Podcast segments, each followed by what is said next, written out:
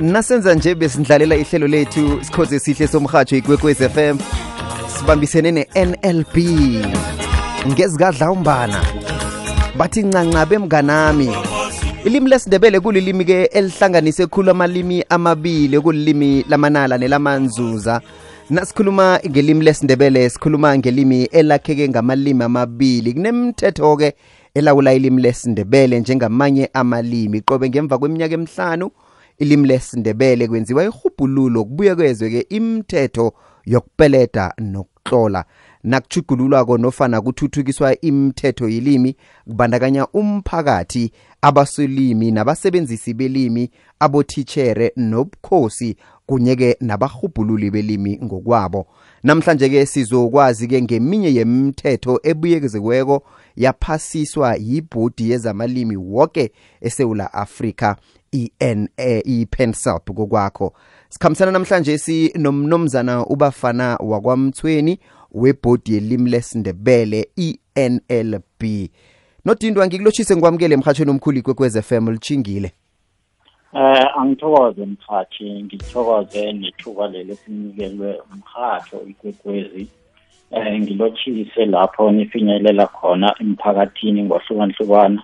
Umphakathi yethu yamandebele kanye namakhosi wethu ngithi akwande. Sithokoze khulu kwamambala nodindwa. Sizokumema-ke namlaleli ukuthi ube yingcenye yehlelo lethu namhlanje silokhu-ke nakabe ayithulako anabangayo ikulumo unumzana umthweni nange uba nombuzo ufuna uba nomfakela kwagadangisa iphimbo lakho lapha ku-whatsapp line yethu yomhatsho ikwekwezi 079 413 2172 079 413 2172 namkha usidosele umtato bunqopha ku-086 1120 459 numzane umthweni akhe sitshejeke vele amachuguluko nemithetho ephasisiweko ekuthuthukisa ukuhlolwa nokupeledwa kwalo ilimi lesindebele. Eh ngithokoze mhathi mhathi njengoba wazi ukuthi njengoba undlalile ukuthi imithetho le ngemva kweminyaka emihlanu iyabuyekezwa uqale.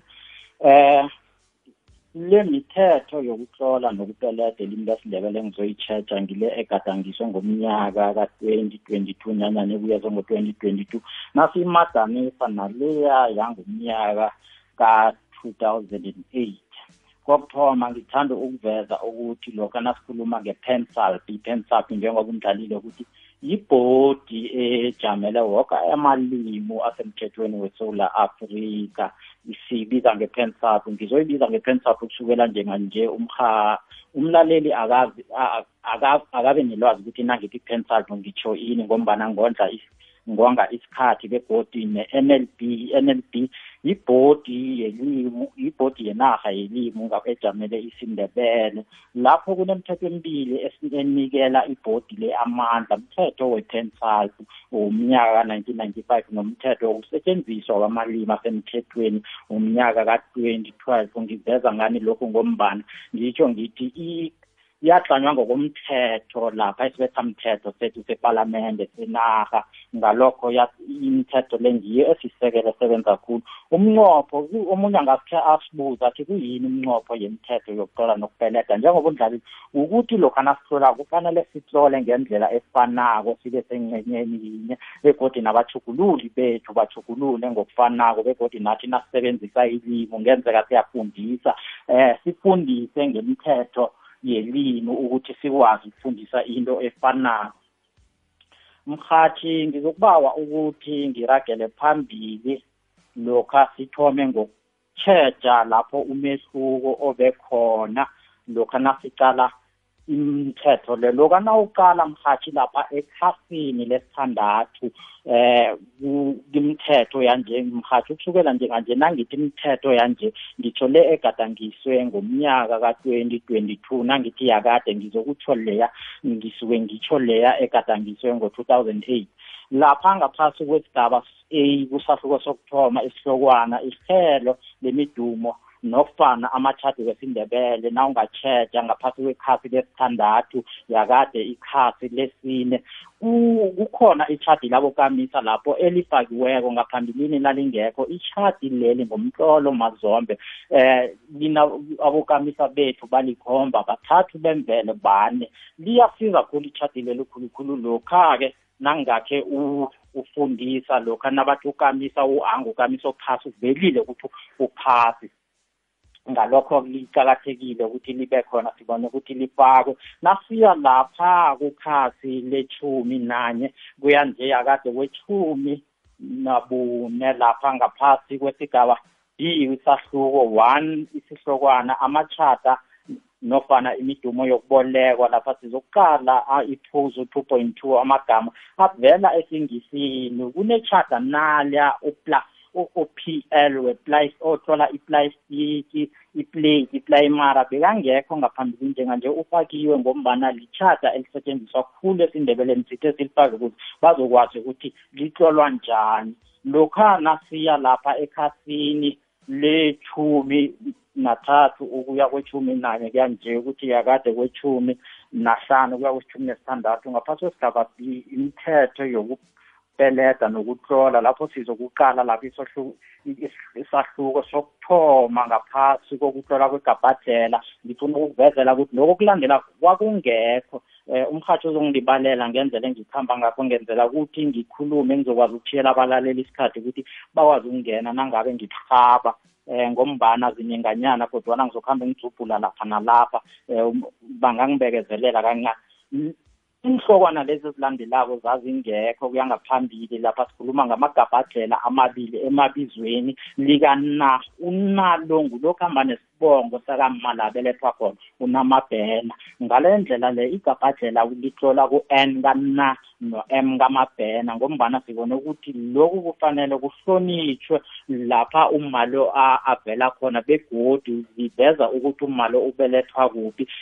Lesibili lapha kuphuzu 1.1.6 lapho sicheje isakhi uso uso usolo naye ukhamba nebizo esikhathini esiningi nawazi isindebele ukuthi ubaba bambiza ngoso ngosojabulane ibizo lomntwana akhe olizibulo ngale ndlela lena uthi usozilani u-s kasolutho ela ngegabhadlela no-z kazilani athole ngegabhadlela. Lokhu kwakungekho ngaphambilini.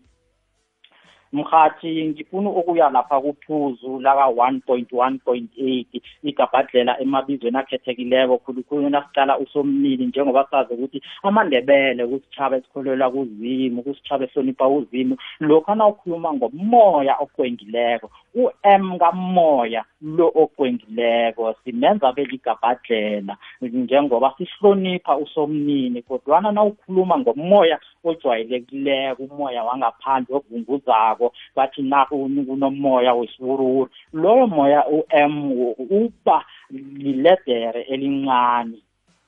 Ngale ndlela ngizama ukuveza ukuthi ngombana bekukhona kwesinye isikhathi ukuhlangahlangana uthole ukuthi abanye bagcine bangasazi ukuthi u-m omncane uya kuphi u-m omkhulu uya uya kuphi. Ngale ndlela ngiyaveza ukuthi u-m omkhulu uya lokha nasihloniphisa umoya okwengileko somnini nalokha umoya ophefumulako ngombani uqakathekile umuntu angaphumela moya siyazi usuke ahlongakela ngeza sawuthola omunye. Mhathi angazi ukuthi usakhamba nami nasiya lapha ku-ikhasi lechumi nahlanu ngaphasi kwesihloko amabizo wendawo. Yakade bekuyikhasi lechumi nobumnani mhathi lana ngithanda ukuveza loko okulandelako ukuthi amabizo wendawo la siwathola njani ngegabhadlela begodi siwathola njani ngokusebenzisa udwi um noma ngisazokuveza imisebenzi kadwi. Ibizo leli legabhadlela khulukhulu amabizo la ihlabu yabo yokuthoma elandela ukamisa ngiyo tholwa ngegabhadlela nangithi emadlangeni ebhetani emadlangeni u-m loya wemadlangeni nguyo tholwa ngegabhadlela kodwana nangabe elizweni leli lendawo ihlavu yokuthoma ngukamisa njenge-orhis e-ms umzekelo ngu-elo otholwa ngegabhadlela mhathi nangiseselapho ngithanda ukuveza na nakho khunye ukuthi lokha nakwenzekile ukuthi uthola ibizo lendawo ibizo lelo lisuke libuya kwesingisi nanyana kwelinye ilimi elingasingelala leSouth Africa ngokwendabuko njenge iPretoria. iPretoria lena umtlolako uthi i ufaka udwi uthi pretoria kodwana nawuthi ipitori ungizwe kuhle mkhathi nawuthi ipitori lapho udwi awumfaki ngombana lisuke lilethwe ngokwesindebeleni kodwana nalitlolwe ngelimi elimsuka laba abahlathululako abathugululako bayazi nasithi ilimi elimsuka sitsho ilimi lelo eh, osusa kilo uthugululela esindebeleni. Mkhathi lapha nawuya kwisahluko lesi sesithathu ngaphansi kokuhlanganiswa nokuhlukaniswa kokutlola kwezakhi kunesakhi nasi izakhi naza usele nobesele. Lapho ezitholakala kukhasi lethumi nesithandathu lapho usele nobesele kule kumthetho yakade lapho bekatholakala ekhasini lamashumi amabili bekade bekathiwe ukuthi zinqophisi kodwana sachugululwa achugulula lapho kwathiwa izakhi zesikhathi. Kungani kuthiwa izakhi zesikhathi emhathi lokhu nawuthi um mhathi nawuthi besele ngidla mhlawumunye umuntu umlindi la kasafika ukuthi besele ngidla. Lokho kukutshela ukuthi kunesenzo esithize ngokwesikhathi esithize obosele usithomile kodwana akusikade usithomile kungakho kuthiwe izakhi zesikhathi. Lesi mhathi ngaphambilini bekuthiwe zinqophisi kodwana njengaze kuthugulukile kuthiwa izakhi zesikhathi. Ukungezelela ngase sengitsho ukuthi isakhi lesi egameni esililandelako sitlolwa ngokuhlukana. Nawuthi sele athuwile usele loya uyamhlukanisa no uthuwile. Besele bafunda ubesele uyamhlukanisa nobafunda. Mhathi ngizokuya lapha ngaphasi kwekhasi lethumi nekhomba kuya nje kodwana yakade kwekhasi lamashumi amabili nanye isicalo sakhe nasa ngaphasi kwephuzu ku-three point three point two isikateleli ukhethe. Kunemsebenzi lana eveziweko ebeyingekho ngaphambilini njengemisebenzi lapho isebenza njengesibawo nawuthi akhethe umboleka imali uyabawa begodu ungamsebenzisa njengokurabhela nawuthi akhese ungiphe imali hle lapho usuke urabhela ukuthi ngibawa ungiphe imali leso uyamrabhela nanyana umsebenzise njengalapho akuhamba nesibabazo nawuthi akhese utsho ubhalelwe kodwa na lapho ukuhamba nesibabazo.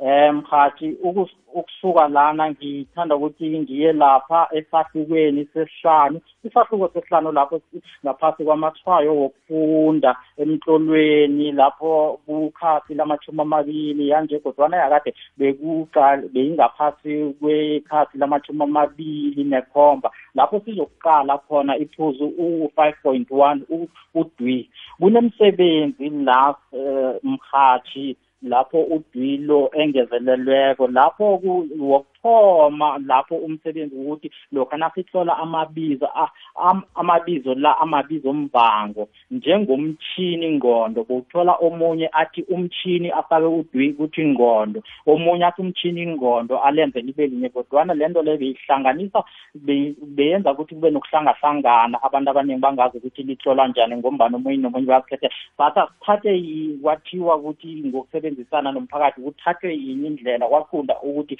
angeke kusafaka udwi uzolihlola libe linye uthi umtshini ngqondo.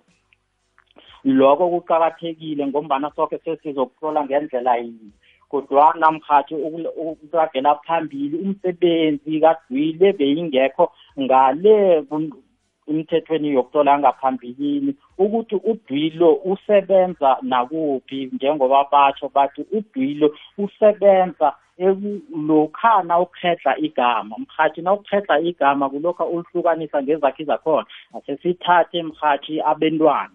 Lokha siyazi ukuthi abentwana abe sithomo uthi abe ufake udwi then nawufaka isiku untwana uthoma ngodwi bese kuza umntwana bese ukamisa sigcino uthoma ngodwi alande bese yena ulandela ngemva.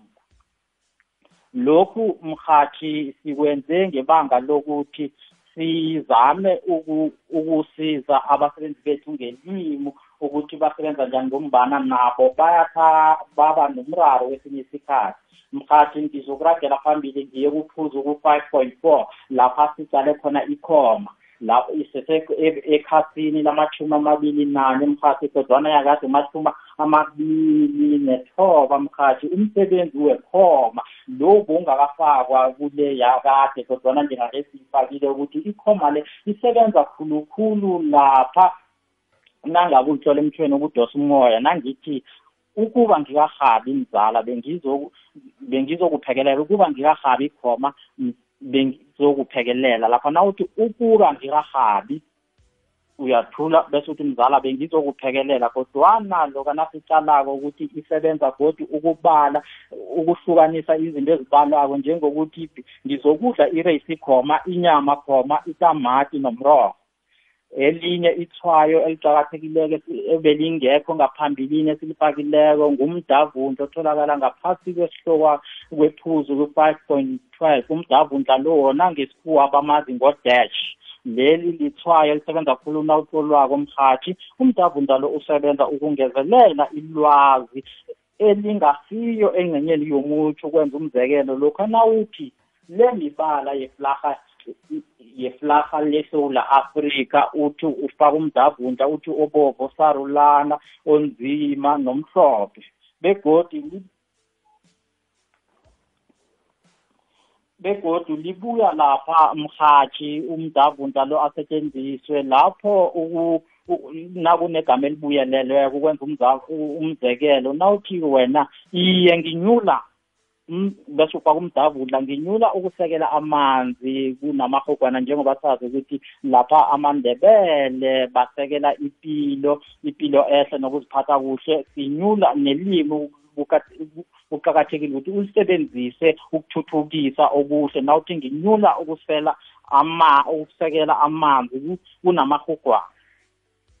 Mkhathi ngithanda ukuthi njengoba ngibona isikhathi ngithi ngiye lapha kusahluko lesi esilandelako mkhathi isahluko sekhomba lapha siqala khona inkhunyezo mkhathi kunenkhunyezo nazezilandelako bezingekho ngaphasi lapha kwekhasi lamashumi amabili nahlanu kodwana yakade namashumi amathathu nobunye iy'nkhunyezo nazi zikamisi umisi kana isihunyezo ngu-n a then kube ngumisi lapho la uma utshadileko u-KKZ unkosikazi then kubenomiss kamangu MM bese kube nomntwana enkosi ngesikhuwa bathi princess ikosikazi lapha ngu-KSZ then kuba nomntwana enkosi ikosana ngu-KSN mhathi ngithanda ukutsho ukuthi inkhunyezo ezinye lezi azikachuguluki njenge ukosikazi u-KKZ nekosi nekosazana u-KSZ uprofessor usesenguye u-PHRO upro lokho azikajuguluki mhathi ngalokho ngibawa ukuthi abasebenzisi belimi bacheje nazo ingunyezezi ukuthi sezijuguluke ukufikaphi mhathi um ngingakayi phambili ngibawa ukuthi-ke ngidobhe zokugcina mhathi lapho sizokuqala khona ukuthi inkunyezo zenyanga zomnyaka ngaphasi kwephuzu i-seven point three. Uchirhweni lapha isifunyezo sawo bekungu-t j h i nje sekathuguliwe ngu-t j h bese usihlabantangana bekangu-s i h l sikathugulukile ngu-s i h l. Lapha ukhukhulamungu bekangu-k h u k h nje sekangu-k h u k.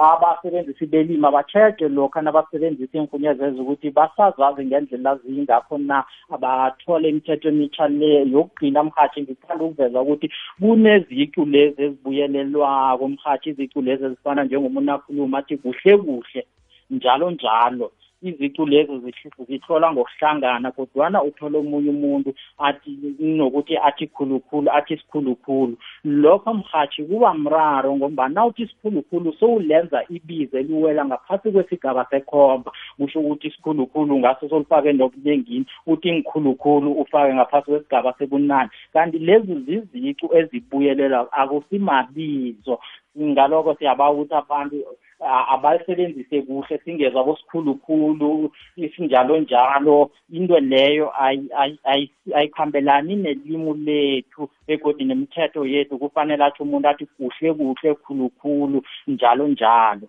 Um mhathi ngithanda ukujama la ngikwazi ukuthi nginikele abalaleli ithuba ukuthi nabo khe babuze njengoba ngifile ngaphambilini. Ngiyathokoza mhathi kuzwakele nodindo nake mlaleli mhathi kwekwez f m siyakumema-ke kulokho sela kundlalile ubaba umthweni mnumzana umthweni. Nange unombuzo unomfakela ufuna ukubuza kodwa uthwayela ngokuthi usidosele umtato. Inomborweni yethu yomtato yi-086 1120 459 086 1120 kwagadangisa iphimbo lakho ngokusebenzisa iwhatsapp line yomhatsho ikwekwezi 079 413 2172 079 413 2172 ngena emahlelweni ngokuthumela iphimbo lakho ngewhatsapp ku-079 413 2172 ikwekwecfm kukhanya ungalalela ihlelo olithandako nelikuphundileko ngesikhathi sakho. Ngena kubunzinzolwazi bomrhatsho uthi ikwekwecfm co za usume upodcast bese ukhetha ihlelo olifunako. Landela ikwekwezi fm enkundleni zokuthintana ukubana ikwazi ikulandele nawe. Facebook ikwekwezi fm isithandathu kuphela imzuzu eseleko nje ngaphambi kwesimbi yethoba kulo mrhatsho ikwekwez fm kukhanya ba ngo-9 o'clock indaba zokugcina zelanga ziphethwe ngulindiwe wakwamahlangu sifundela zona usesilindi. Ngale kwalokho ukhona umindlu lavu nehlelo sizigedlile bekube isimbi yeshumi nambili njengomana ngelesithathu nje khona uhlalithwa patrick gabini baba upet gabini uza nehlelo le-science and technology ngo-half past 9 nodindo asisebenzeli ukuyisonga. Ngiyabona kusathe du ngemtatweni nalapha ku-whatsapp line njengobana bokuhamba udlala nje amachuguluko wokupeleda nokhunye okuningi ihelo leli-ke umuntu ulithola kuphi ukuthi akwazi ukulifunda anabe nalo? Um ngithokoza umbuzo wakho mkhathi. Lokha ihlelo leli ngiyacabanga ngiyazumbana ukuthi mhathi lapha ukuthi angalithola ngaphasi kwekhasi leli le-facebook le-pencil.